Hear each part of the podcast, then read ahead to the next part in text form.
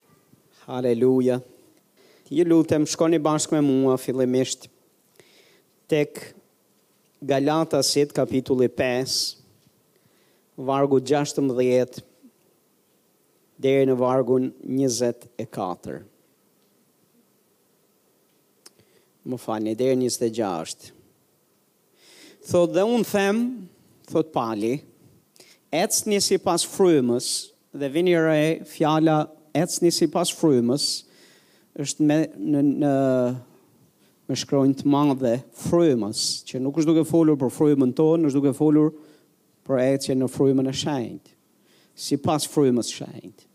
Thot dhe nuk do ta, nuk do ta përmbushni Dëshirat e mishit. Në fakt, duhet të ishte nuk do t'i përmbushni dëshirat e mishit. Gjashtëmbëdhjetë. Vargu shtatëmbëdhjetë thotë sepse mishi ka dëshira kundër frymës, edhe fryma ka dëshira kundër mishit. Dhe këto thotë janë të kundërta njëra me tjetrën. Që ju të mos bëni ato që dëshironi. Në qoftë se thotë udhëhiqeni nga fryma, ju nuk jeni nën ligj.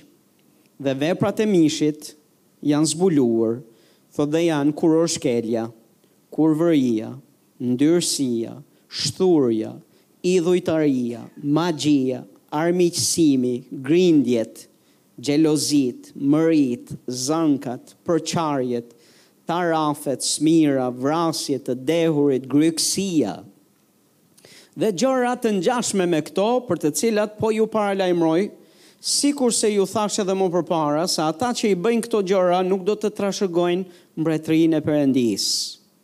Dikush thotë amen. Por, thotë, fruti i frymës është dashuria, gëzimi, paqja, durimi, mirëdashja, mirësia, besimi, zemërbutësia, vetëkontrolli. Kundër këtyre gjërave, thotë, nuk ka ligj. Dhe ata që janë janë të Krishtit e kanë kryqëzuar mishin bashkë me pasionet dhe lakmitë e tij. Në qoftë se rrojmë thot në frymë, në frymë edhe duhet të ecim. Dikush thot Amen. Haleluja. Po e nis pak nga vargu 25, thot në qoftë se rrojmë në frymë, dhe kjo nuk është duke thanë, nuk është nuk është duke thanë në sensin që sikur të ishim në frymë, Në sensin sikur ah, sikur të. Është në sensin që ne jemi në frymë. Dhe kjo na konfirmohet edhe tek uh, Romakët, kapitulli 8, do e shohim pak më vonë. Ne jemi në frymë.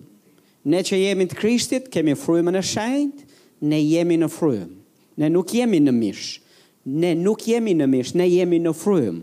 Por Pse jemi në frymë, kjo nuk do të thotë se ne ecim sipas frymës, dhe kjo nuk do të thotë që automatikisht vetë se jemi në frymë, automatikisht pa marrë, pa bërë asnjë përpjekje nga ana jonë, ne jemi duke ecur në frymë. Jo, është janë një sërë vendimesh tonat që na bëjnë të ecim në frymë, sepse ecja në frymë nuk na Nuk vjen automatike, nuk është automatike pa bërë ne diçka. Ne mund të jemi në frymë dhe jemi në frymë. Kemi frymën e Krishtit, jemi të rilindur, jemi një me frymën e shenjtë, jemi një me Perëndin, por a e dini se ne kemi kapacitetin që pse jemi në frymë, e kemi krejt kapacitetin që të ecim në mish? Ne mund të jemi në frymë dhe të jemi duke ecë sipas mishit. S'ka pse të jetë kështu. Dhe s'duhet të jetë kështu. Dhe pali na bën na tregon i ndan të dyja frymën nga mishi. Tani kur flitet për mishin njerëz të Zotit, shumë prej njerëzve herë mbas here në Bibël ne shohim fjalën trupi, pastaj mishi, Dhe herë mbas here ngatërrohet në mendjen e shumë besimtarëve ideja që Zoti e ka fjalën për këtë trupin tonë fizik. Kur i referohet mishit, e ka fjalën për trupin tonë. Dhe kur e ka për shkak se e ka fjalën për trupin tonë, herë mbas here besimtarët e urrejnë trupin e tyre.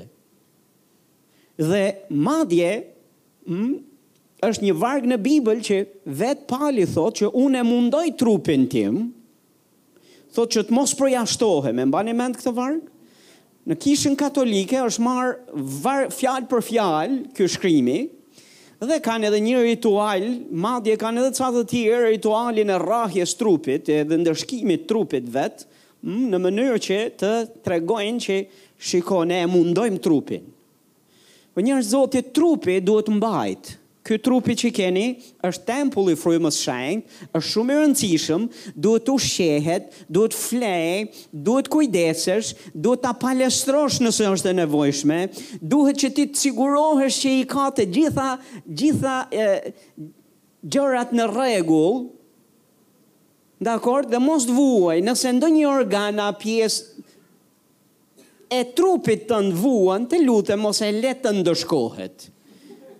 Hm, dhe mos thuaj që shiko, është shkruar në Bibël, ne që rrojmë sipas frymës e kryqëzojmë mishin tonë, e kryqëzojmë trupin tonë, të lutem, nuk ka nevojë trupi yt për për shkuar në kryq. Ky trup.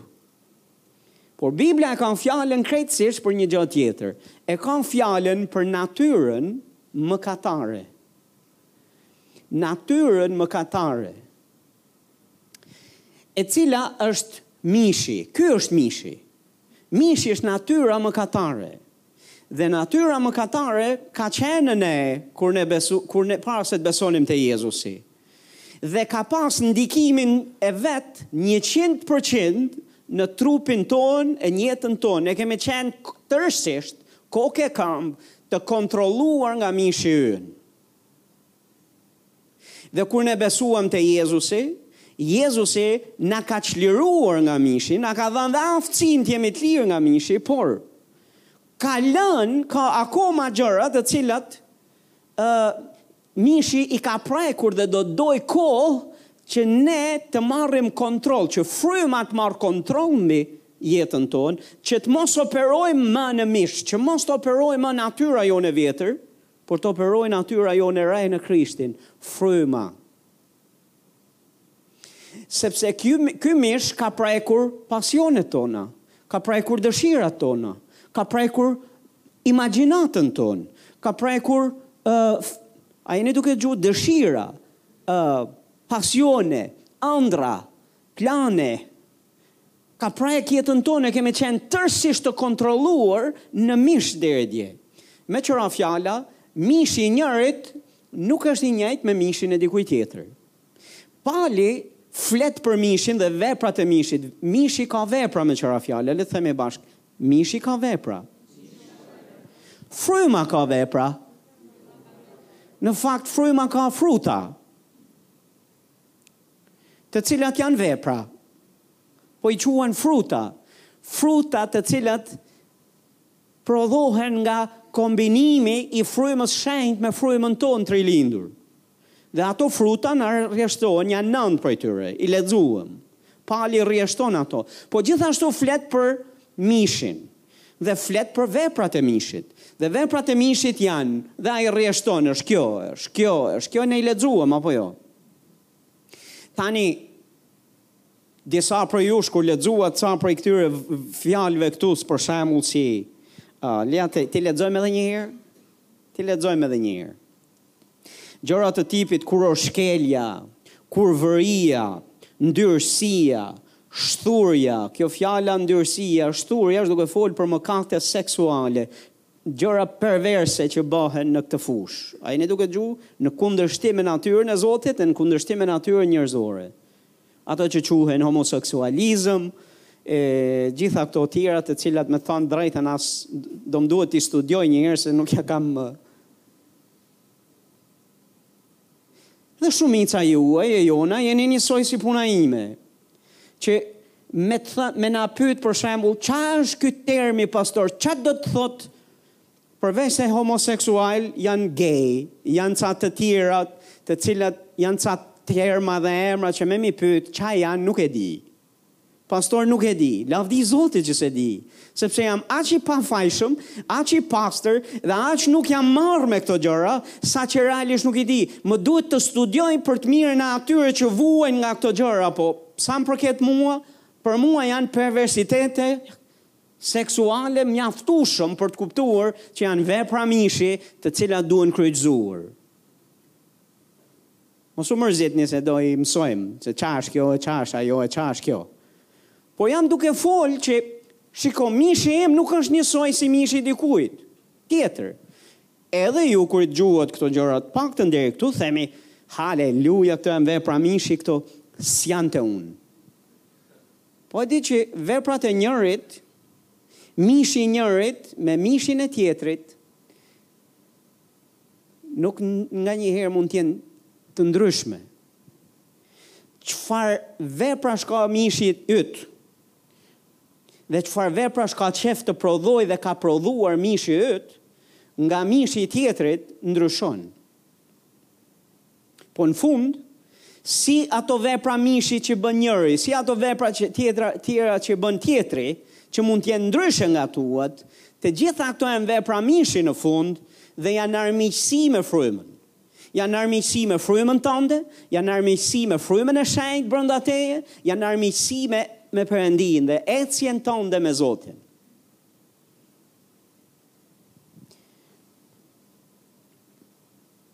Fryma ka fruta, mishi ose natyra jonë e vjetër ka vepra. Tani më lini pak t'ju flas për një koncept. E dëgjoj rëndomtë, e dëgjoj rëndomtë brenda kishës. Këtë lloj të folure. Ky është aktor i njohur. Kjo është këngëtare vip e njohur. Wow! Doli dhe tha, besoj te Jezusi. Dhe kisha ekzaltohet kur shohin naj postim a, thohe, shohin se thonë naj fjalë kishe njerëz të kësaj natyre, Dhe lere mo më tepër po të thonë ata që jam i krishterë dhe shkoj në kish. Kisha ekzaltohet me idenë që, wow, ky shkon në kish. O njerëz të Zotit, që kur kështu jemi kaq naiv, që kur kështu kemi fillu, kemi ardhë deri n'pikën sa ne, ne, ne bëhemi kaq lehtësisht të mashtruar.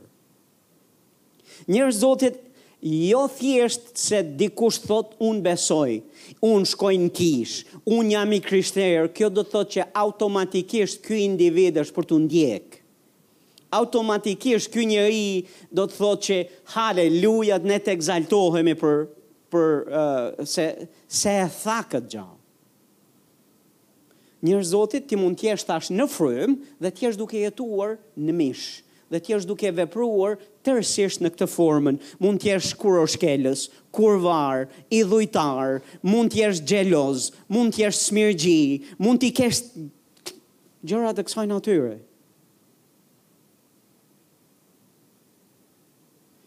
Dhe në fakt, dhe nëse i ke dhe ecën në këtë mënyrë, çfarë thotë Pali? Në qoftë se jeton në këtë formë, në qoftë se je duke dhanë këto lloj veprash, nëse dikush jep këto lloj veprash, është në armiqësi me ka? Haleluja, shkon në kish. Është duke shkuar në kish, por është në armiqësi me Perëndinë. Është në armiqësi me Fjalën e Zotit, është në armiqësi me frymën e Zotit, sepse veprat flasin. Ne duhet të shohim, nuk duhet të ekzaltohemi shumë mbas thanieve dhe fjalëve.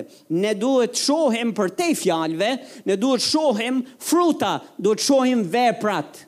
Veprat tona tregojnë në jemi në miqësi, a në armiqësi me Zotin. Edhe tona që jemi ulur këtu. Gjyko pak ça je duke bërë. Gjyko çfarë lloj veprash je duke bërë dhe besoam pastor, kjo ta tregon historinë. Kjo e ndan historinë në je në miqësi me Zotin a je në armiqësi me të. Je duke jetuar në miqësi dhe në marrëdhënie të ngushtë me të apo në një marrëdhënie të thyer dhe në një marrëdhënie të ndarë dhe armiqësore me Zotin. Në qoftë se je duke je je dhënë dhe je duke ecë në mish dhe je duke jetu në mish dhe je duke bërë vepra të kësaj natyre të cilat rrjeshtohen këtu pastor po edhe gjëra të tjera që nuk rrjeshtohen këtu po që janë të ngjashme me këto o pastor po të lutëm a mund të më thush ndonjë gjë tjetër që është e ngjashme me këto tjera nga këto që lexove Po pastor, ja të tregoj pastori se si mund të dallosh gjëra të ngjashme. Në qoftë se nuk janë frutat e frymës, çdo gjë tjetër që nuk është sipas fru, domethënë në bazë të frutave të frymës dhe në në në dakordësi me frutat e frymës, janë ato të ngjashmet të cilat s'duhet të jenë pjesë e jona. Dikush që është në frymë duhet të ecë sipas frymës. Nëse rrojmë thot në frymë dhe nuk e thot në sensin që ah sikur të ishim në frymë, sepse jemi në frymë. Për shkak se jemi në frymë, ne duhet ecim në frymë thot Pali. Por gjithashtu na thot po te ky shkrim na tregon dhe këtë gjë këtu. Pastor si të eci në frymë dhe si të mos i përmbush dëshirat e mishit. Dakord, nuk nuk i urrej dëshirat e mishit, pasionet e lakmitë e veta, nuk dua që këto vepra të jenë pjesë e imja, uh, bie në dakord që janë të këqia, i urrej edhe unë, po si mund e mund që të ecë në frymë, si mund e mund të rroj sipas frymës. dhe mos t'i përmbushi dëshirat e mishit. Pastori do të të mësoj sot se si. Në rregull? Po çelësi është ky. Thot vargu 16 dhe unë them këtë, ecni sipas frymës dhe nuk do t'i përmbushni dëshirat e mishit. Domethënë, në qoftë se ecni sipas kujt, Në qoftë se ecim sipas kujt? Domethënë, në qoftë se fryma e shenjtë ka kontroll mbi ne dhe ne e lejojmë frymën e shenjtë të marrë kontroll mbi ne, nuk do të përmbushim më çfarë? Bravo. Çelësi është ne duhet të mësojmë të ecim në frymë, të ecim sipas frymës. Meqë jemi në frymë, meqë rrojmë në frymë, meqë fryma e Zotit është në ne, atëherë duhet të mësojmë të lemë frymën e Zotit të na kontrollojë. Frymën e Zotit të na drejtojë hapat tanë. Dhe nëse ne mësojmë të ecim sipas frymës, nuk do t'i përmbushim Le të themi bashkë, nuk do t'i përmbushim dëshirat e mishit. Tani dëshirat e mishit do të jenë aty. Dëshirat e mishit vazhdimisht do të jenë duke të ngacmuar. Dëshirat e mishit vazhdimisht do të jenë në kërkim për mbarsje. Dhe do të ta do, do flas për këtë pjesë. Do jenë vazhdimisht në kërkim për këtë gjë dhe janë në pritje. që të mbarsen dhe nëse mbarsen do të prodhojnë dhe kanë për të prodhuar mëkat. Dhe mbasi prodhojnë mëkat, mëkati sjell vdekjen. Më lini të shkoj pak tek Jakobi. Jakobi kapitulli 1, shifni çfarë thot Jakobi 1.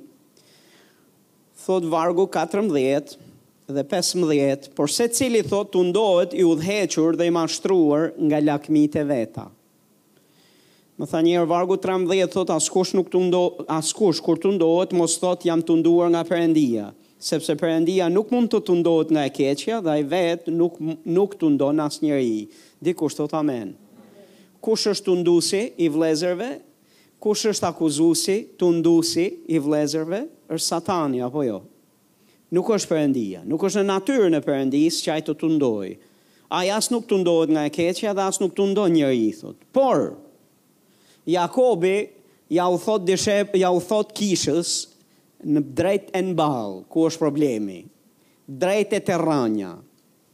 sepse këta në fakt ishin duke pretenduar se Perëndia është autori i tundimit të tyre, prandaj edhe është duke u marrë me ta Jakobi dhe është duke ju thënë, jo jo vëllezër, nuk është nga ana e Perëndisë çështja.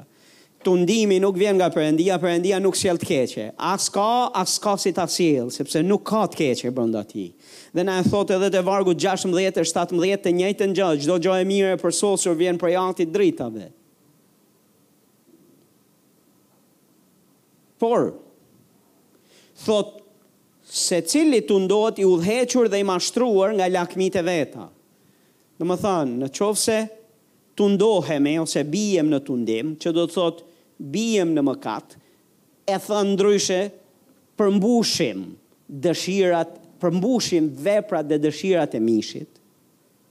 bëjmë ato gjëra të cilat Galatasit thotë i rreshton,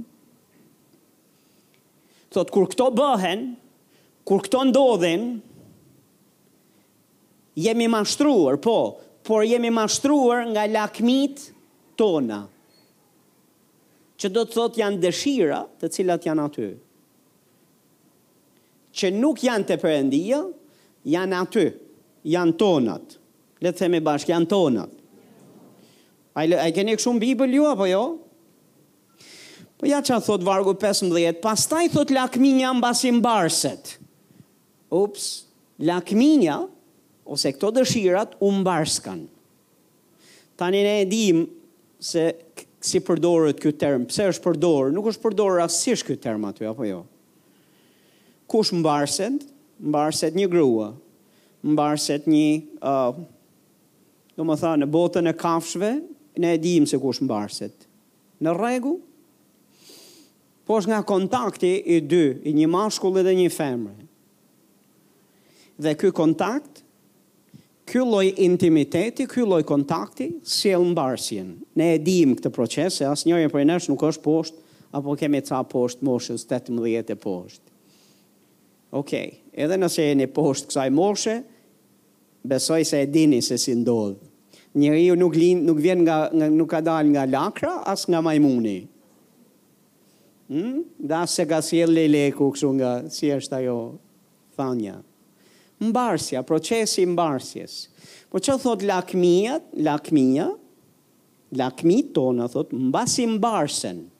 Më, kalokan përmes një procesi dhe mbarsja nuk ndodh rastësisht.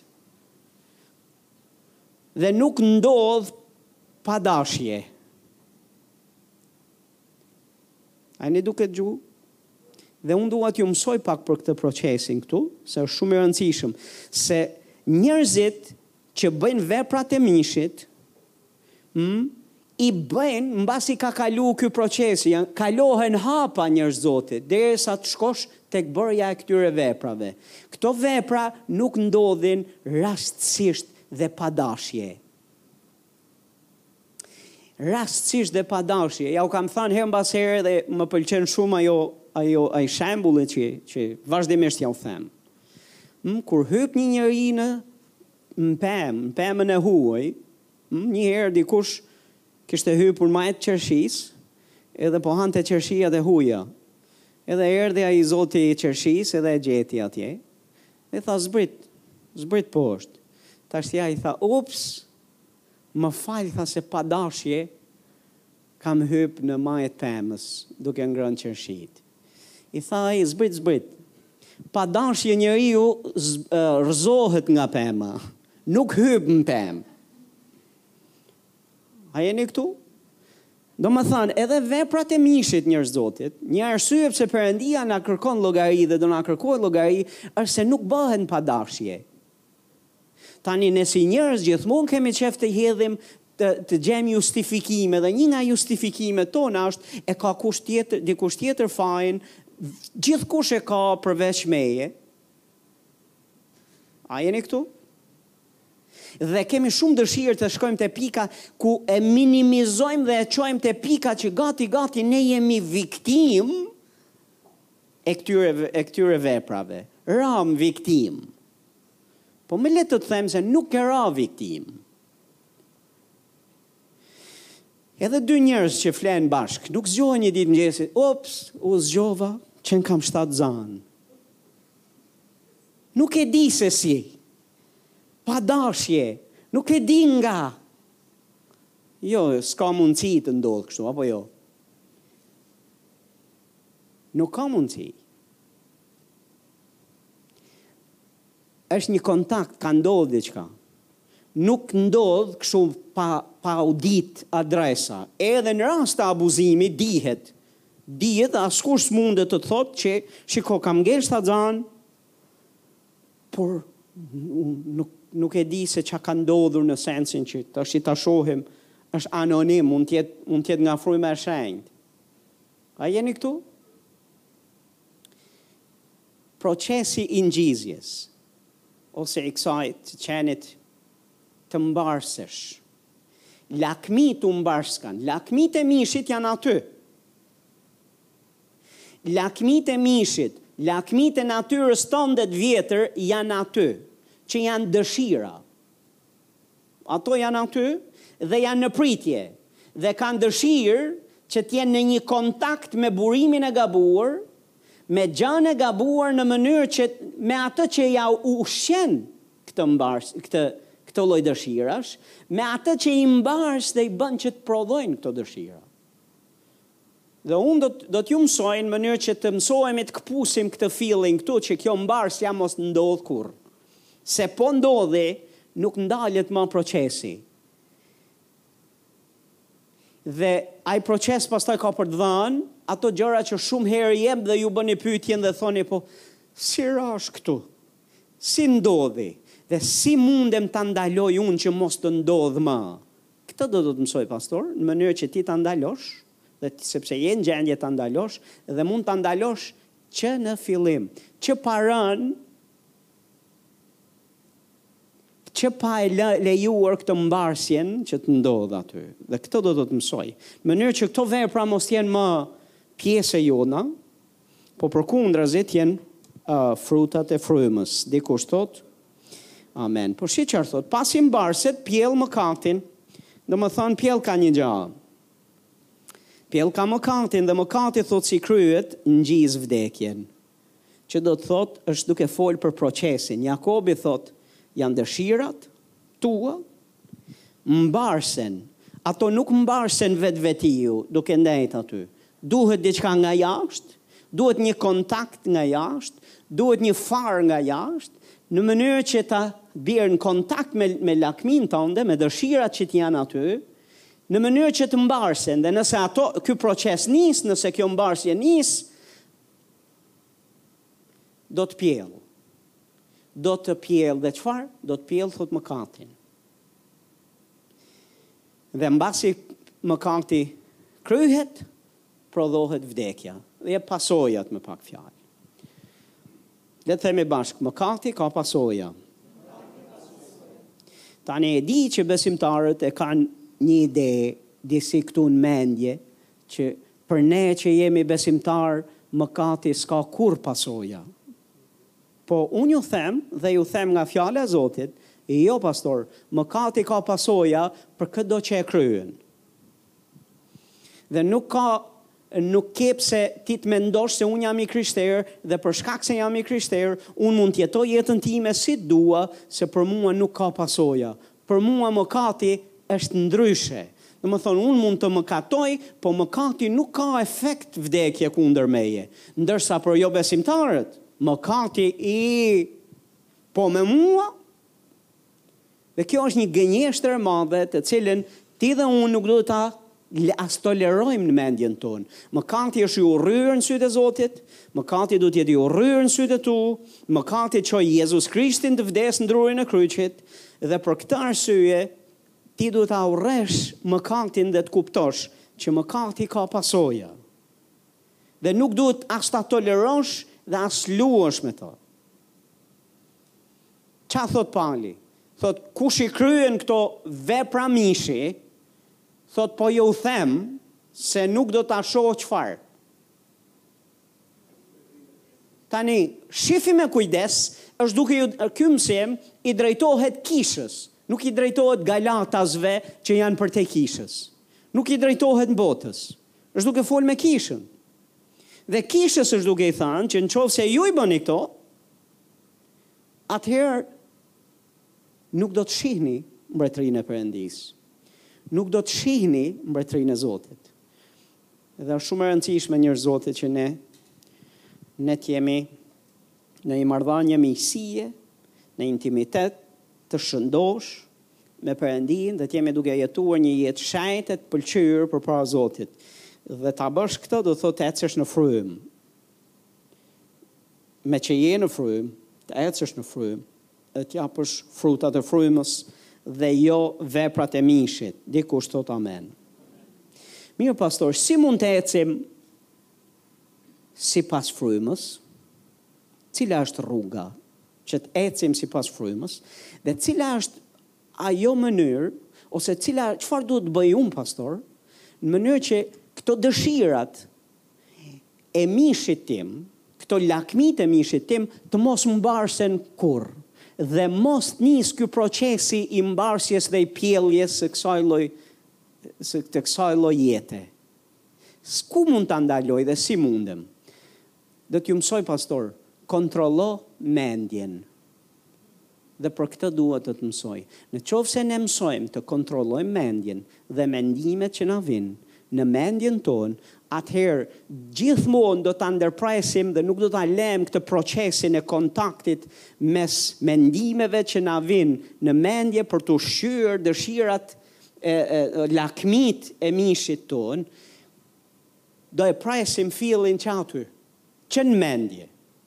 Dhe nëse e presim që në mendje, atëherë ato mendime që vijnë nga jashtë, që vijnë nga tunduesi, që vijnë nga gjërat që shohim përreth, nga gjërat që dëgjojmë përreth, që përpiqen të flasin edhe të kontaktojnë me lakmitë tona, me ato dëshirat e mishit tonë, Në qoftë se ne nuk i lëmë që të penetrojnë mendjen tonë, që të kalojnë aty, që të mos jetë ky kontakti, atëherë ai proces nuk do të ndodhë.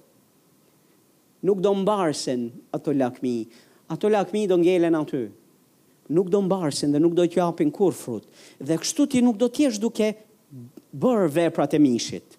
Kështu ti nuk do të jesh duke mëkatuar. Dhe kështu nuk do të jesh duke duke ë uh, vuajtur pasojat e veprimeve të mishit, e veprave të mishit apo mëkatit. A e kuptoni? Kontrollimi i mendjes. Në qoftë se ne mësojmë, të kontrollojmë mendimet, të ruajmë mendjen tonë, të kontrollojmë mendjen tonë, Dhe të mos lëmë çdo lloj plehre që kalon që të penetrojë mendjen tonë dhe të të na ndikojë, pastor do jetojmë një jetë sipas frymës. Dhe në qoftë se nuk lëmë çdo mendim, po do të lëmë mendimet e frymës. Do të lëmë frymën e Zotit të na e kontrollojë mendjen. Në qoftë se lëmë frymën e Zotit dhe mendime sipas frymës Zotit të kontrollojnë mendjen tonë, atëherë njerëz të Zotit procesi i mëkatit për të cilin bëhet fjalë që do nisë dhe veprat e mishit s'do përmbushen, nga krahu tjetër frutat e frymës do të prodhohen. Frutat e frymës do të prodhohen. Kush kontrollon mendjen tënde, të ka ty nën kontroll. Domethënë, kush ta kontrollon mendjen dhe beteja është për mendjen tënde. Fryma e Shenjtë do kontrollin e mendjes. Fryma e Shenjtë dhe Zoti, Perëndia, do thash kontrollin e mendjes tënde. Nëse të kontrollon mendjen, atëherë pastor të kontrollon edhe veprimet tua dhe motivet tua, kontrollon dhe të kontrollon frutat që ti do të japësh. Dhe në qoftë se ti nuk ia ke lënë frymës së shenjtë kontrollin e mendjes, atëherë dikush tjetër do ta marrë atë kontroll, i ligu kërkon kontrollin e mendjes dhe synon kontrollin e mendjes. Dhe e gjithë beteja dhe gjithë beteja që ai bën është që të kontrollojë mendjen tënde. Dhe nëse ta kontrollon mendjen, atëherë do të të kontrollojë edhe veprimet tua. Kush kontrollon mendjen tonë na ka ne.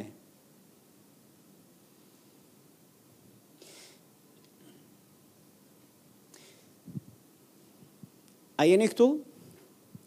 Dëgjoj herë mbas here shprehjen, mos shko te kisha, mos shko dhe t'i hysh besimit, sepse ata ta shplajnë trurin. E keni dëgjuar këtë pjesën këtu? Pastor, kisha Fjala e Gjallë, do të nxjerrim një tabel dhe do themi, këtu shplahet truri. Pastor besoj në shplarjen e trurit. Ky pastore që është këtu beson jashtëzakonisht fort në shplarjen e trurit. Në shplarjen e mendjes. Tani unë e di se si e thonë ata. Po unë besoj këtë gjënë që kush vjen në kishën e Zotit dhe le frymën e shenjtë t'ja shplaj trurin, nga plehrat e e e kësaj bote dhe plehrat e mishit, pastor, nuk do të kemi njerëz të cilët do të jenë kurorëshkelës, kurvar, të shthurur, vjedhës, vrasës, xheloz, nuk e di, i bën i bën dëm, i, dë, i bën dëm botës të mungojnë këto lloj veprash?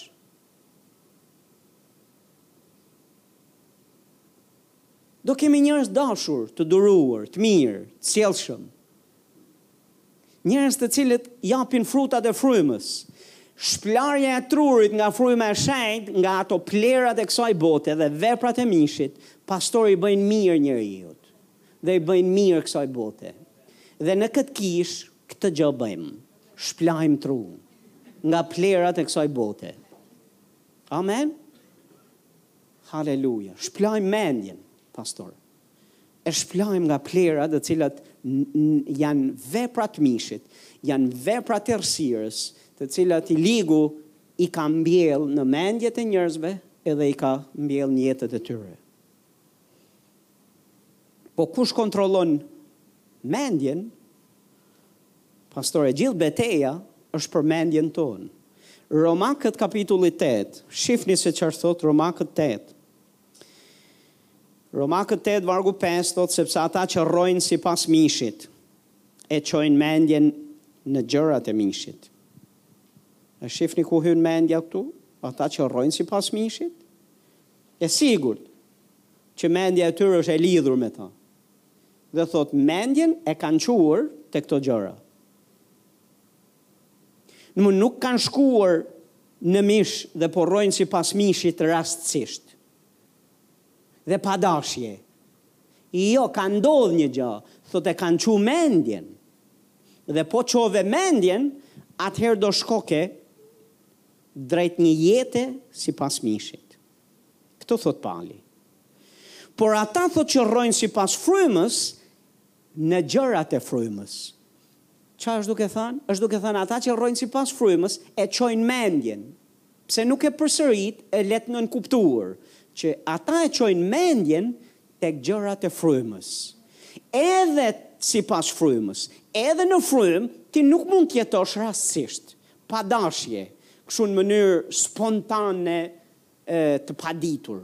Jo, pa ndodhur një proces. Ndodh një proces. Mendja. Ti zgjedh ku ta çosh mendjen. Dhe nëse ti e çon mendjen te gjërat e frymës, do të gjesh veten duke ecë sipas frymës. Nëse e çon mendjen te gjërat e mishit, do ta gjesh veten duke ecë sipas gjërave të mishit.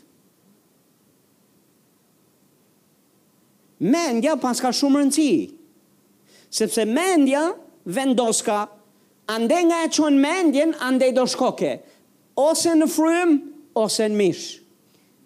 Le të themi mendja ka shumë rëndësi.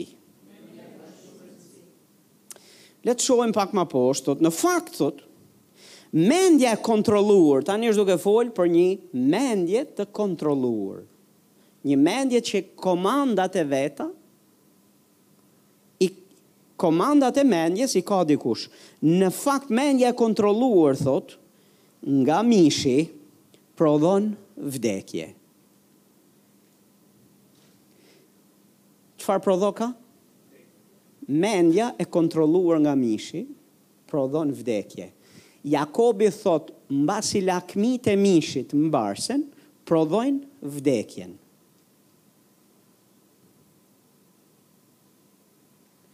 Lakmitë e mishit mbarsen. Çfarë i mbars lakmitë e mishit?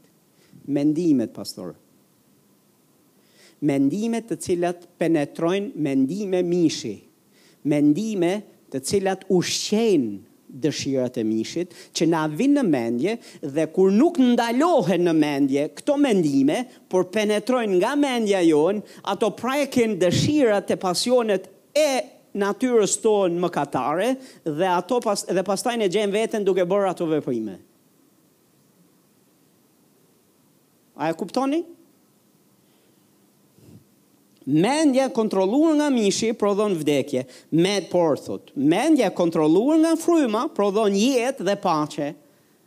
Çfarë është duke thënë? Atëherë, në qoftë se fryma e shenjtë ka kontroll të mendjes thotë, u prodhoka jetë dhe paqe. Sepse do të jesh duke prodhuar frutat e frymës. Dhe kur ti prodhon frutat e frymës dhe ec në sipas frymës dhe i prodhon ato fruta, çfarë ka kundër këtyre gjërave thotë Pali, nuk ka ligj. Më nuk ka asgjë që mund vi, që mund t'i kundërshtojë frutat e frymës. Nuk ka ligj dhe prodhon jetë dhe paqe. Nëse fryma kontrollon mendjen, kjo prodhohet në jetën tënde. Në qoftë se mishi kontrollon mendjen tënde, atëherë vdekje do të kesh.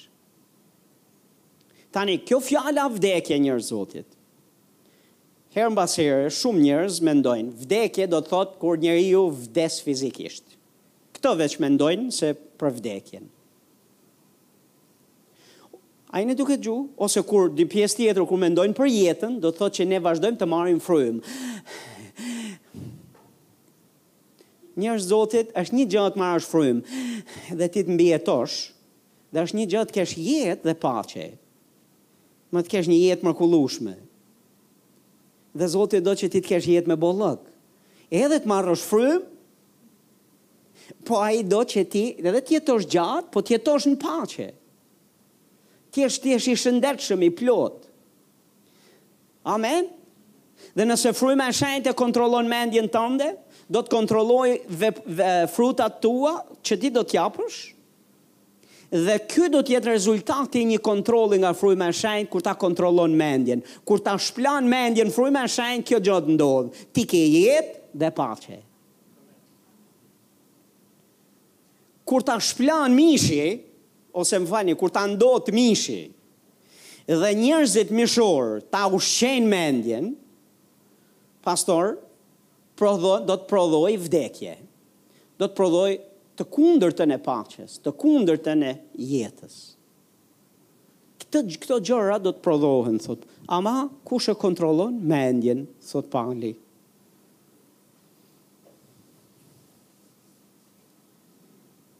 Në fakt, thotë mendja e kontrolluar nga mishi është armiqësi kundër Perëndisë, sepse nuk i nënshtrohet ligjit të Perëndisë dhe as nuk mundet. Prandaj ata thotë që janë në mish nuk mund t'i pëlqejnë Perëndisë.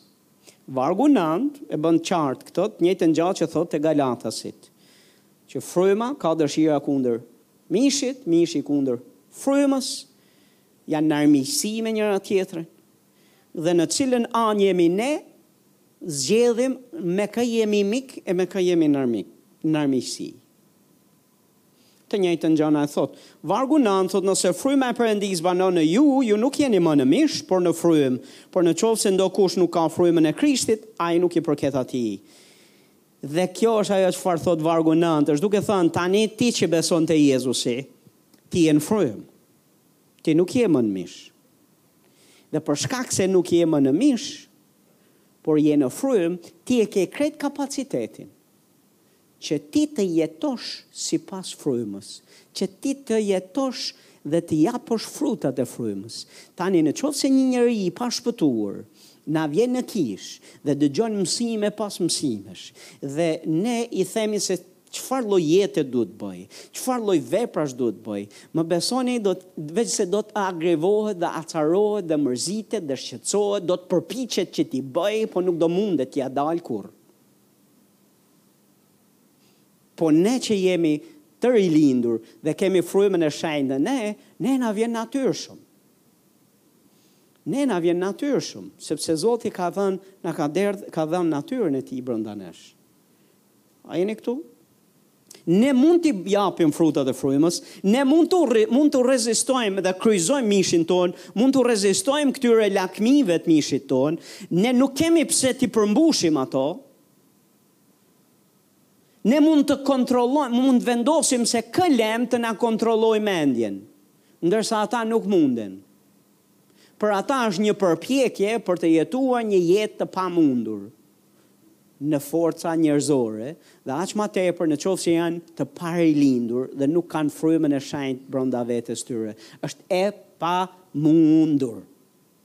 Dhe do të ishte një përpjekje e kotë që të përpiqemi të bëjmë një jobesimtar të të të sillet dhe të jetojë si besimtar. Është e pamundur kjo.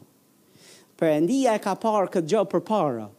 dhe që ta dhe dhe ai që është ekspert i ndryshimit të jetëve ka thanë këtë gja duhet shkul zemra prej mishi prej guri ajo zemër që kanë bronda ajo natyrë që kanë bronda duhet shkul duhet heq duhen bërë gjithë gjërat e reja Duhet ndryshu natyra e tyre, duhet ndryshu zemra e tyre dhe i duhet dhanë një zemër prej mishi dhe në atë zemër duhet shkruaj dikush fryma e shenjtë me gishtin e vet duhet shkruaj ligjet e Perëndisë. Perëndia do të shtijë thotë në frymën tuaj, në zemrën tuaj ligjet e mia.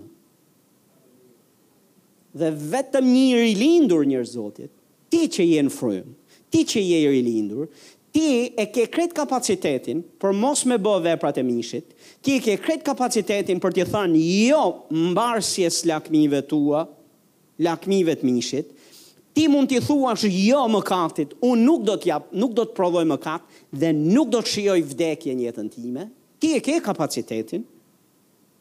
Dhe ti e ke kapacitetin për të dhanë frutat e frymës, për të ecur në frymë. Sepse Perëndia ta ka dhanë edhe zgjedhjen, po të ka dhanë dhe gjitha aftësitë që ti të ecësh. E vetmja gjë që na pengon është një dëshi, domethënë dëshira jonë, vullneti ynë, dhe dy, kë lëmë të na kontrollojë mendjen. Pra përzgjedhja jonë kë lëm të na kontrollojë mendjen. Kush ta kontrollon mendjen të ka ty. Nëse Perëndia ta kontrollon mendjen, nëse fryma e shenjtë kontrollon mendjen, të kontrollon dhe veprimet. Dhe duke të kontrolluar veprimet, frutat e frymës do të prodhohen. Në qoftë se i ligu ta kontrollon mendjen, atëherë Rezultati do të jetë mëkat, rezultati do jenë veprat e mishit, rezultati do të jenë ë pasojat e saj. A jeni këtu? Mendja është shumë me rëndësi, sepse kush të kontrollon mendjen, kush e kontrollon mendjen, do të të kontrollojë ty. Dikush të thotë Zoti është i mirë. Romakët 12, vargu Vargu dy,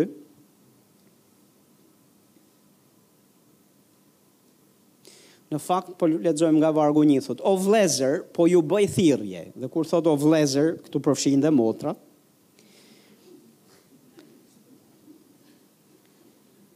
Veçse motrat janë vlezër më të bukur se sa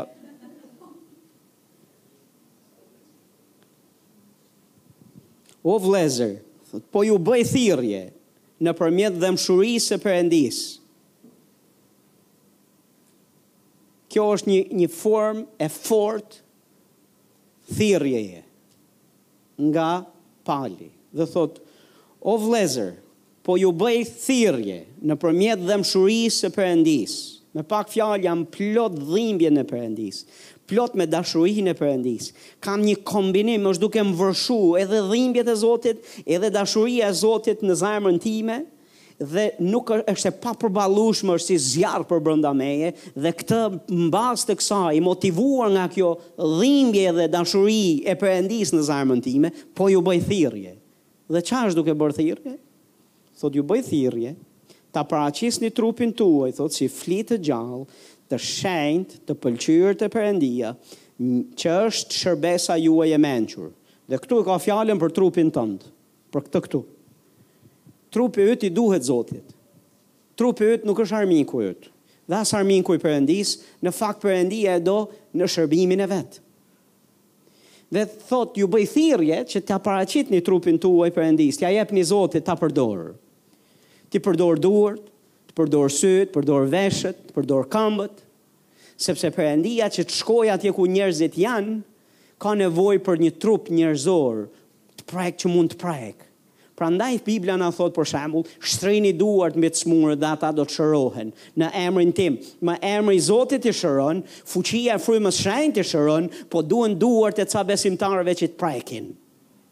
Dhe Zoti nuk na i merr me zor e me dhunë duart tona që të prekin njerëzit. Është e nevojshme, a jeni këtu? Duhen Vishni, thotë, këmbët tuaja me sandalet e Ungjillit të Paqes. Dhe ça është duke thënë? Është duke thënë që lejni këmbët. Sa të bukura, thotë, janë këmbët e atyre që sjellin lajme të mira. Që sjellin, sjellin lajme të mira për popullin, lajme për shpëtim. Është duke folë, këmbët tona janë të rëndësishme për Ungjillin. Sepse duhet të ecim që të shkojmë diku ku predikohet Ungjilli. Duart tona duhet të prekin në mënyrë që njerëzit të shërohen. E kështu me radhë mund të flas për secilin, për sytë, për veshët, për gjithë qenien, gjithë trupin tonë. Dhe Pali thotë vëreni në shërbim të Zotit trupin tuaj. Duhet që këtu përpara Ka drejtues adhurimi. Lavdi Zotit. A bënë një punë të shkëlqyer sot? Lavdi Zotit. Po u desh që trupat e tyre të vinë këtu përpara, në mënyrë që të na drejtojnë në adhurim, apo jo? Duhet që unë, si pastori juaj, të lejoj t'ia pra jepja Zotit trupin tim, që të vija këtu për t'ju folur ju. Të njëjtën gjë mund të bësh dhe ti. Çfarë thotë tjetër? Dhe mos u konformoni, thotë, me këtë botë. Me pak fjalë, mos u bëni si bota. Mos i ngjani botës. Njerëz të Zotit është anormale që kisha të jetë si bota është anormale që ne të vishemi njësoj, që ne të dukemi njësoj, që ne të flasim njësoj, që motivet tona të jenë njësoj, kur ne nuk jemi njësoj as në natyrë dhe në as në asgjë.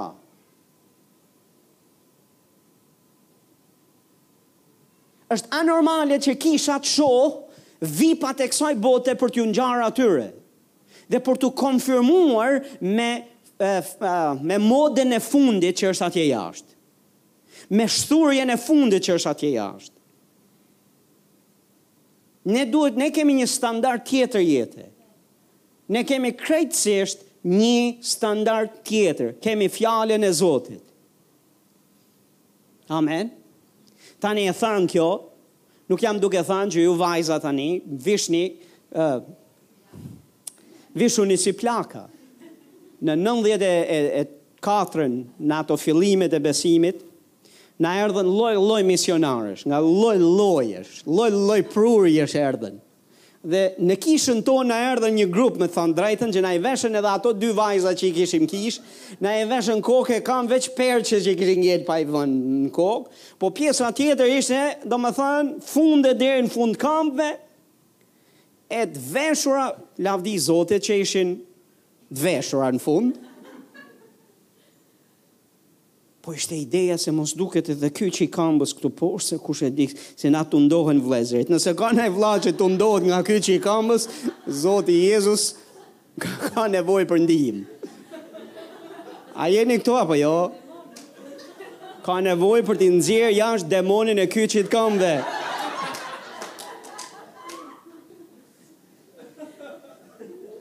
Mos vër make-up. Mos i kreh flokët! Dhe ato dy goca që na vinin në kishë, meqë ra fjala, asnjëra prej tyre nuk është në besim sot.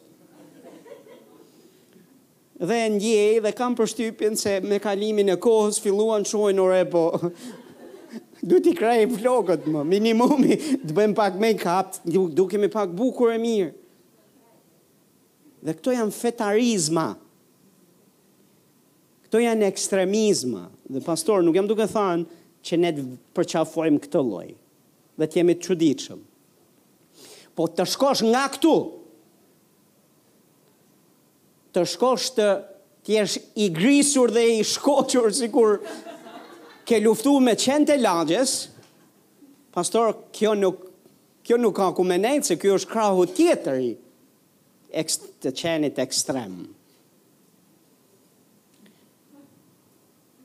Është e tmerrshme, nuk sheh dot një në ekran asgjë, sepse është betejë se kush zhvishet më shumë dhe kujt mund t'i shihen pjesë të trupit më tepër dhe më dukshëm. Është e tmerrshme. S'sheh dot një një gjë, nuk e shef të pastër. E di kam shumë respekt edhe nderim, është një është një një gazetare, po flisja me pastorin, është një gazetare te Top Channel. Merret me këto kronikat e zeza e me radhë, është një grua shumë e mirë. Është gazetare që për mua un kam shumë nderim dhe respekt për atë grua. Pse sepse e kam pa atë vishet shumë thjesht, shumë natyrshëm, shumë normal. Ka një make-up të thjeshtë, ka një pamje shumë të thjeshtë dhe i flet profesionalizmi më tepër se sa që i flasin pjesët e trupit vet. Që nuk na duhen. Njeri i Zotit mund të kesh dhe sukses, mund të jesh dhe dikushi pa kalu në këto lloj ekstremesh.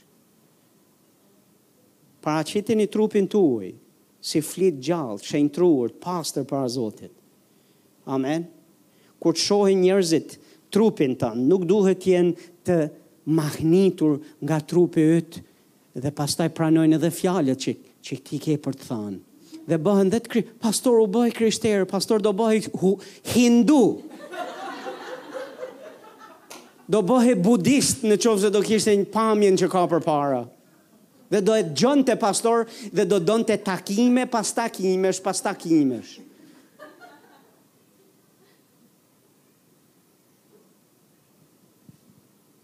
Nuk duhet që të bëhen të krishterë sepse kanë pa pamjen tënde, duhet të bëhen për shkak se kanë pa zemrën tënde, kanë pa perëndishmërinë tënde.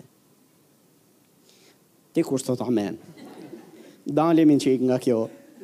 Marrim pak kthesën, vazhdojmë. Mos u konformo thotë me këtë botë, por transformohuni, dhe kjo fjala transformim është duke fol për një proces ku ti komplet ndryshon dhe merr një pamje tjetër, me kë duhet të transform, me kë du, kuj duhet t'i ngjajmë? Dhe si kush duhet bëhemi? Bibla thotë si Jezusi. Ky është misioni i Kishës, ky është misioni ynë, që ne të jemi si Jezusi. Dikush thotë amen. Të jemi si Jezusi. Dhe si ndodh kjo, thotë, me anë të ripërtrirjes mendjes tuaj. Ky transformimi ndodh ka kur mendjen tonë ne e lem të na e shplajë fjala e Zotit. E lem të na e shplajë fryma e shenjtë. të na e ripërtrijë, të na e pastrojë, uji i Fjalës gjallë, i Fjalës Zotit. Kur Fjala e Zotit penetron mendjen tënde, atëherë do të pastrohet mendja. Dhe ti do të, do të ndodhë kjo gjëja, ti do të ripërtrihesh dhe ti do të transformohesh nga një njeri mishor, nga një njeri që ishe plot lakmi mishi dhe përmbushës i këtyre lakmive, Do të transformohesh në një njeri krejt tjetër, në një shenjtor që nuk është shenjtor veç me emër, po është shenjtor me vepra dhe do të jetë duke prodhuar frutat e frymës, sepse kush të kontrollon mendjen pastaj, të kon, të kontrollon ty. Nëse nëse e le që fjala e Zotit dhe fryma e shenjtë të kontrollojnë mendjen, atëherë pastaj ti do të japësh frutat e frymës. Ti do të bësh veprat e frymës. Ti do të jesh duke ecur sipas frymës. Dhe në fund, pastor, përfitimi është i madh për ty dhe për gjithë të tjerët përreth teje. Në mënyrë të veçantë kishës. Një arsye pse kisha vuan, a e di pse? Vuan sepse besimtarët janë mishorë. Po në qoftë se ecim gjithë në frymë, haleluja, dhe prodhojmë frutat e frymës, ajo kishë është e shëndetshme, ajo kishë është e gjallë, ajo kishë është plot vitalitet e jetë. Dikush thot amen. Mendja jonë me shumë rëndësi. Dikush thot amen. Tani njerëz të Zotit, Po flisja me një grua para ca ditësh. Dhe më trishtoi zemrën, por edhe më nxiti që të flas për disa gjëra që besoj janë me shumë rëndësi. Për sa i përket mendjes. Ë uh, ajo ishte duke përjetuar disa sfida shumë serioze në martesë që në të natyrshmen ato gjëra që dukeshin Dhe gjërat që ajo mendonte se po i ndodhnin janë vërtet me peshë. Peshë të madhe emocionale, peshë me të thy zemrën, me, me realisht për të të për të të shkunë themelet, sepse ajo dyshonte fort se bashkëshorti i saj kishte një lidhje tjetër. Dhe gruaja besimtare, ndërsa burri jo besimtar. dhe kishte ca kohë që ishte e torturuar në mendjen e vet dhe u bë disa ta herë me cilën më është dashtë që të konsult flasim e të flasim deri tani ishte në kushte dyshimesh asgjë të vërtet po dyshime po shikoni se çfarë ndodh vjen dhe takohemi flasim kemi diskutuar disa herë me, me atë individ Qan, vajton, uh, plot dhimbje, e trishtur, ka pushuar së jetuari, dhe vjen deri në pikën sa më thot që pastor kam menduar më të keqen, kam menduar që ta hidhem nga kati 5 dhe të vras veten, sepse unë nuk jetoj dot me këtë lloj peshe dhe këtë lloj barre dhe të më ndodhë një gjë e kësaj natyre mua, kur unë kam investuar, kam dhënë, kam dashur, kam bërë këtë, kam bërë atë. A jeni këtu? Dhe thot, është tepër e madhe, pastor. Jam e torturuar në mendje. Dhe pyetja që i bëj është, ok, ti ke dyshime, apo është e sigurt që ke një fakt, ke fakte, Jo, kam dyshime. Tani më dëgjoni pak.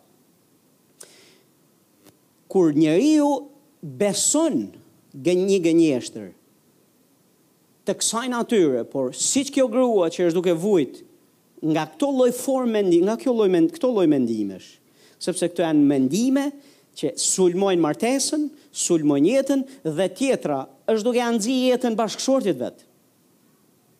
Në bazë të dyshimeve. I thashë, Motër, ja çfarë po bën ti. Ti dyshimin e ke kthyer në besim. Ti je, ti nuk ke fakte, po e ke besu. Ti je tërësisht e ke përqafu këtë gjë, dhe dhimbjet, dhe lotët, dhe të gjitha, i ke komplet sepse ti ke zgjedhur, i ke lënë këto mendime të kalojnë pa doganë.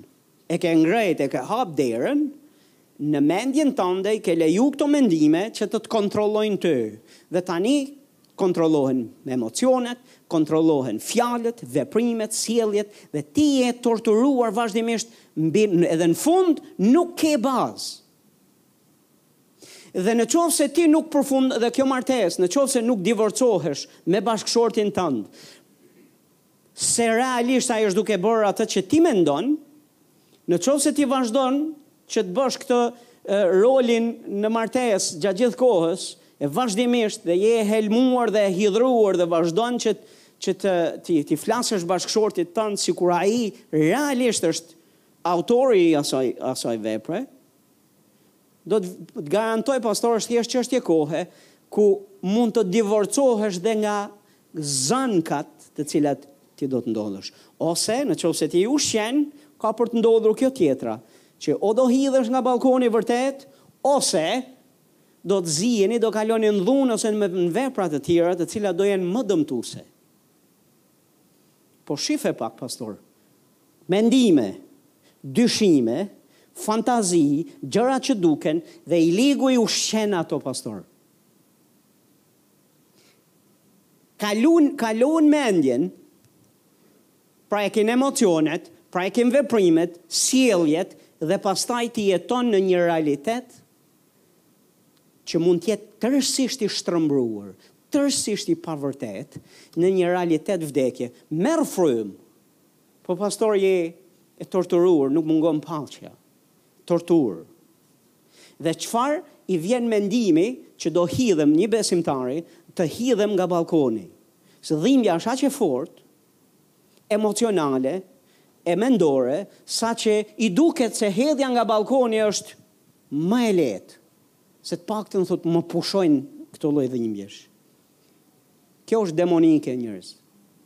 Kjo është mënyra se si demonët, kjo është mënyra se si i ligu uh, çon njerëzit në vetëvrasje. Nga mendime, nga gjëra që duken si të vërteta. nga mashtrime, nga fantazi të cilat ai servir dhe atakon emocionet, atakon zemrën, atakon mendimet. Dhe në qoftë se një besimtar ia hap derën dhe i lejon ato pa doganë dhe nuk bën asgjë kundër tyre dhe i lejon që të kalojnë në mendje dhe i bën si të vërteta, ato ngjizin, prekin, prekin jetën dhe në fund të torturojnë dhe në fund të çojnë edhe drejt Tani jo gjithkush shkon në vetëvrasje. Po i ligu ka shumë dëshirë që kjo të jetë fundi i gjithë secilit dhe nëse e le, ai të shtyn, e të shtyn, e të shtyn, e të shtyn, të shtyn derisa të vritesh, derisa të vrasësh veten. Të shtyn derisa ti të bësh më të keqen.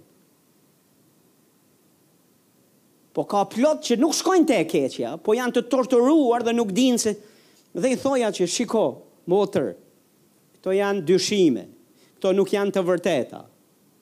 Nuk ke një gjë të bazë të vërtetë, ke dyshime.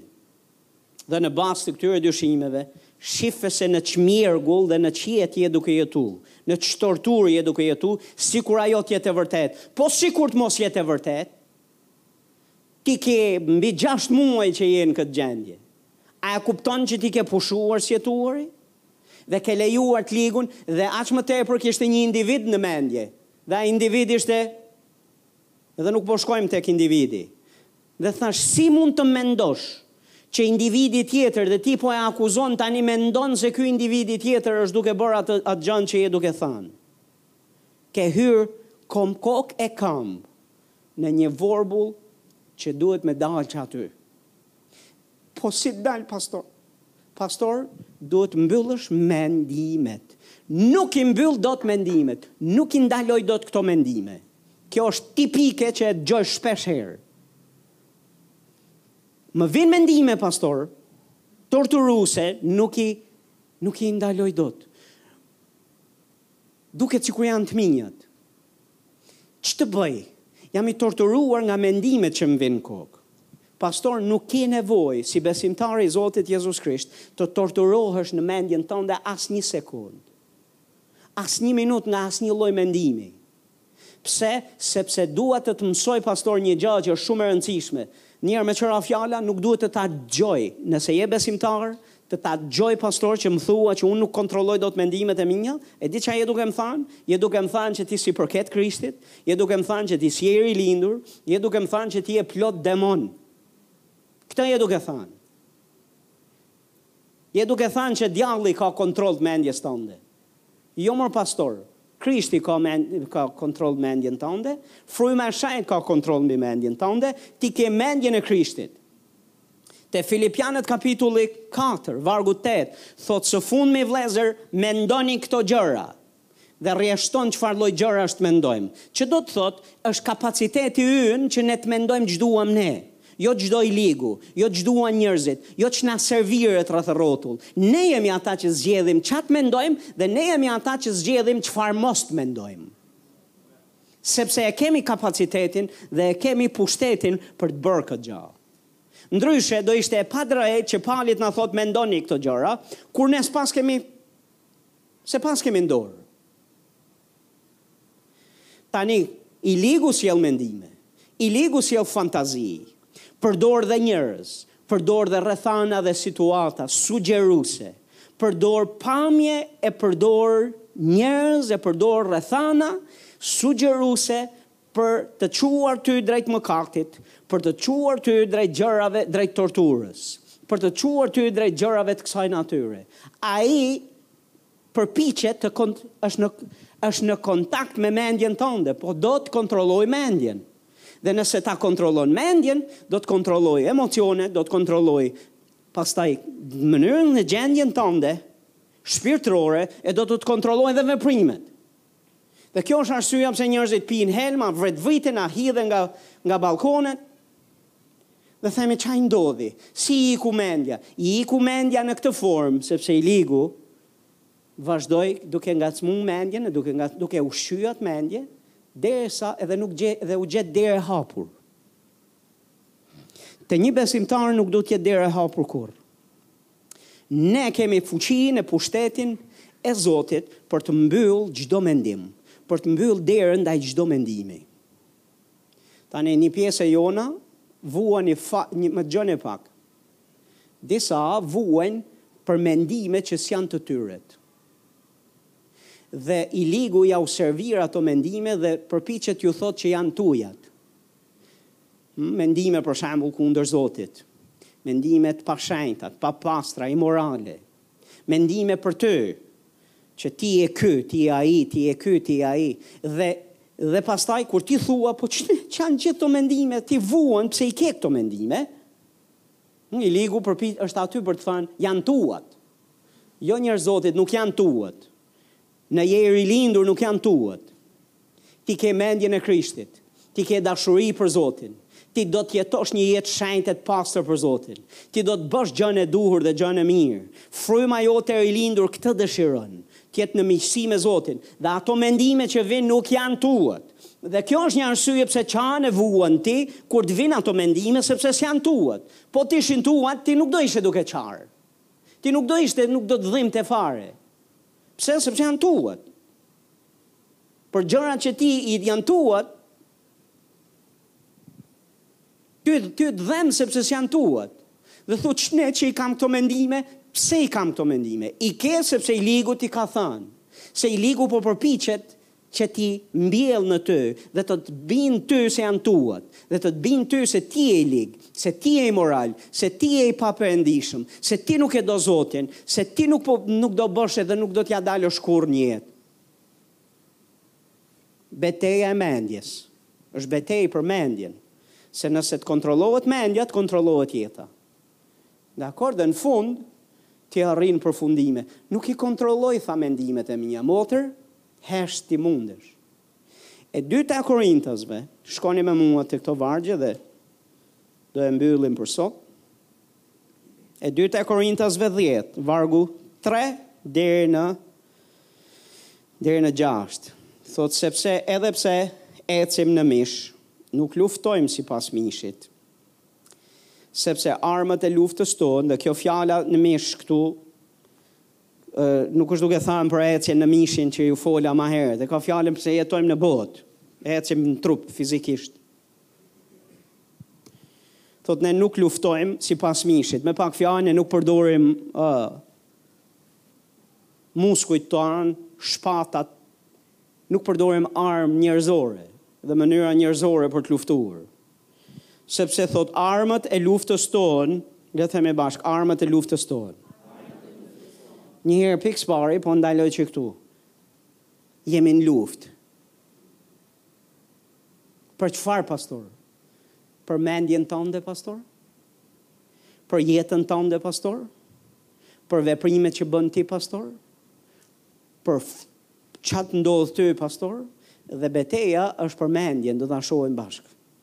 Se nëse të kontrollohet mendja, atëherë kontrollohen gjithë këto gjëra të tjera. Dhe kjo luftë duhet fituar që në mendje. Që kur të vinë mendimet, që kur të vinë sugjerimet, që kur të vinë fantazitë, që kur të vinë, domethënë ato pamjet që të vinë, që nuk janë të perëndishme, që aty, pastor? Në qoftë se ne mësojmë dhe marrim rolin tonë që na takon dhe mësojmë të bëjmë gjënë e duhur dhe mbyllim derën këtyre mendimeve e fantazive, pastor, këto nuk do të kontrollojnë jetën tënde më. Dhe nuk do të kontrollojnë veprimet tua. Qoftë për të mëkatuar, qoftë për, për t'u torturuar nga mendime që nuk janë prej Perëndisë për ty. Je në betejë, pastor. Dhe kjo betejë është kundër të ligut, kundër forcave të errësirës, thotë Pali tek Efesianët kapitulli gjashtë, vargu dymbëdhjetë. Dhe thotë, sepse armët e luftës tonë nuk janë prej mishi, por janë të fuqishme në Perëndinë për të shkatërruar fortesa. Që të hedhim poshtë mendimet, themi bashkë të hedhim poshtë mendimet.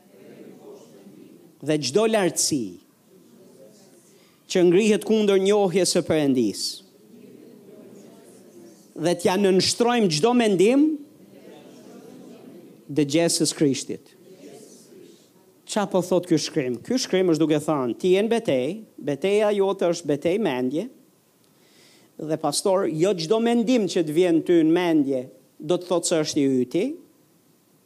Dhe jo çdo mendim që ty dhe ato mendime që të vijnë ty në mendje, në qoftë se janë kundër fjalës Zotit, janë kundër realiteteve që Krishti flet, janë kundër dëgjesës Krishtit, janë kundër Krishtit, janë kundër fjalës Zotit, janë në kundërshtim atë që Zoti thotë, e thënë thjesht, Dhe ty të vijnë këto mendime.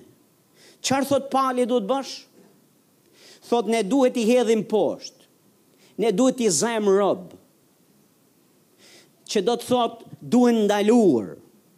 Se po s'u ndaluan kanë për të dhënë frut, kanë për të prodhuar. Kanë për të prodhuar gjëra të padëshirueshme për ne. Minimumi do na bëjnë drejt, shkojmë drejt mëkatit. Maksimumi do të na bëjnë të torturohemi derisa Derisa të na duket vdekja, domethënë alternativë e lehtë. Hedhja nga ballkoni, nga kati i pestë, alternativë e lehtë. Se kaq e madhe do të jetë dhimbja, tortura, torturë mendje. Dhe ke plot njerëz që janë të torturuar në mendjen e vet.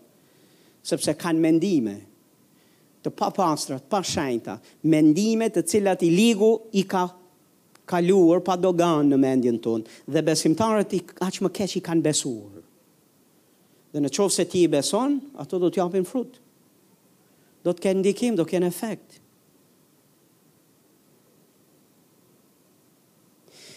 Armët e luftës tonë, cilat janë? Është emri i Jezusit, është gjaku i Jezusit, është fjala e shkruar e Perëndisë.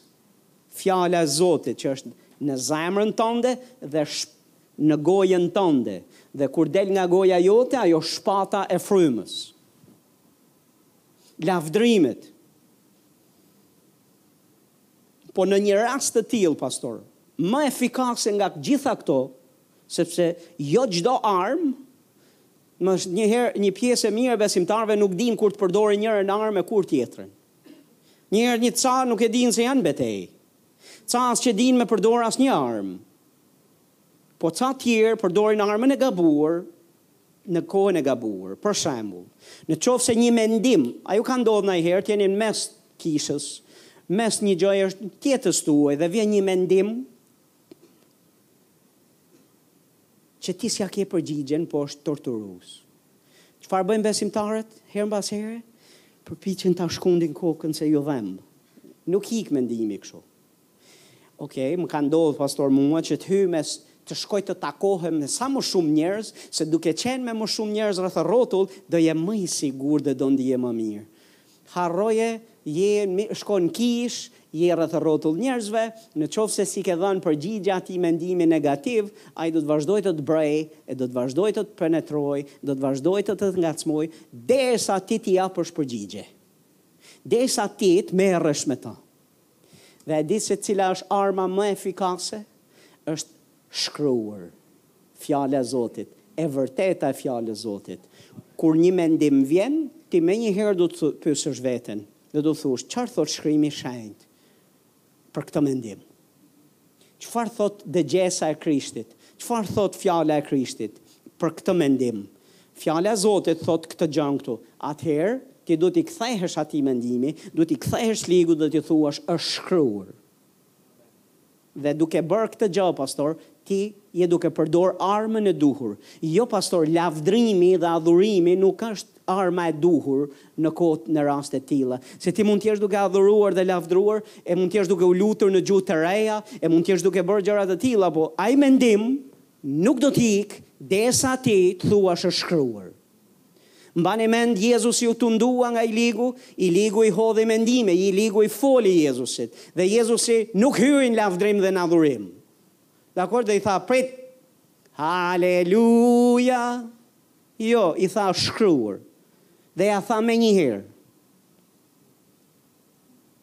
Njerëz të Zotit, që në çastin e parë kur kur mendime negative vijnë, kur ë uh, mendime që përpiqen të trazojnë dëshirat e mishit tënd, trokasin te mendja jote ti duhet t'ia mbyllësh derën fort dhe hermetikisht radikalisht që në fillim në qoftë se ti nuk e nuk reagon menjëherë e po e toleron Ajo gjë do të jetë duke do të bëhet më e vështirë për ty që të nxjerrësh jashtë ato mendime. Gjëja më e mirë dhe efikase është që që në çastin e parë, kur ti detekton mendime, kur ti detekton pamje dhe gjëra të cilat janë kundër Fjalës së Zotit, që në atë çast ti duhet të urdhërosh në emrin Jezus. Ti duhet të përdorësh armët e Zotit. Ti duhet të kuptosh që je në betejë dhe duhet t'i përdorësh këto armë ta ruash mendjen.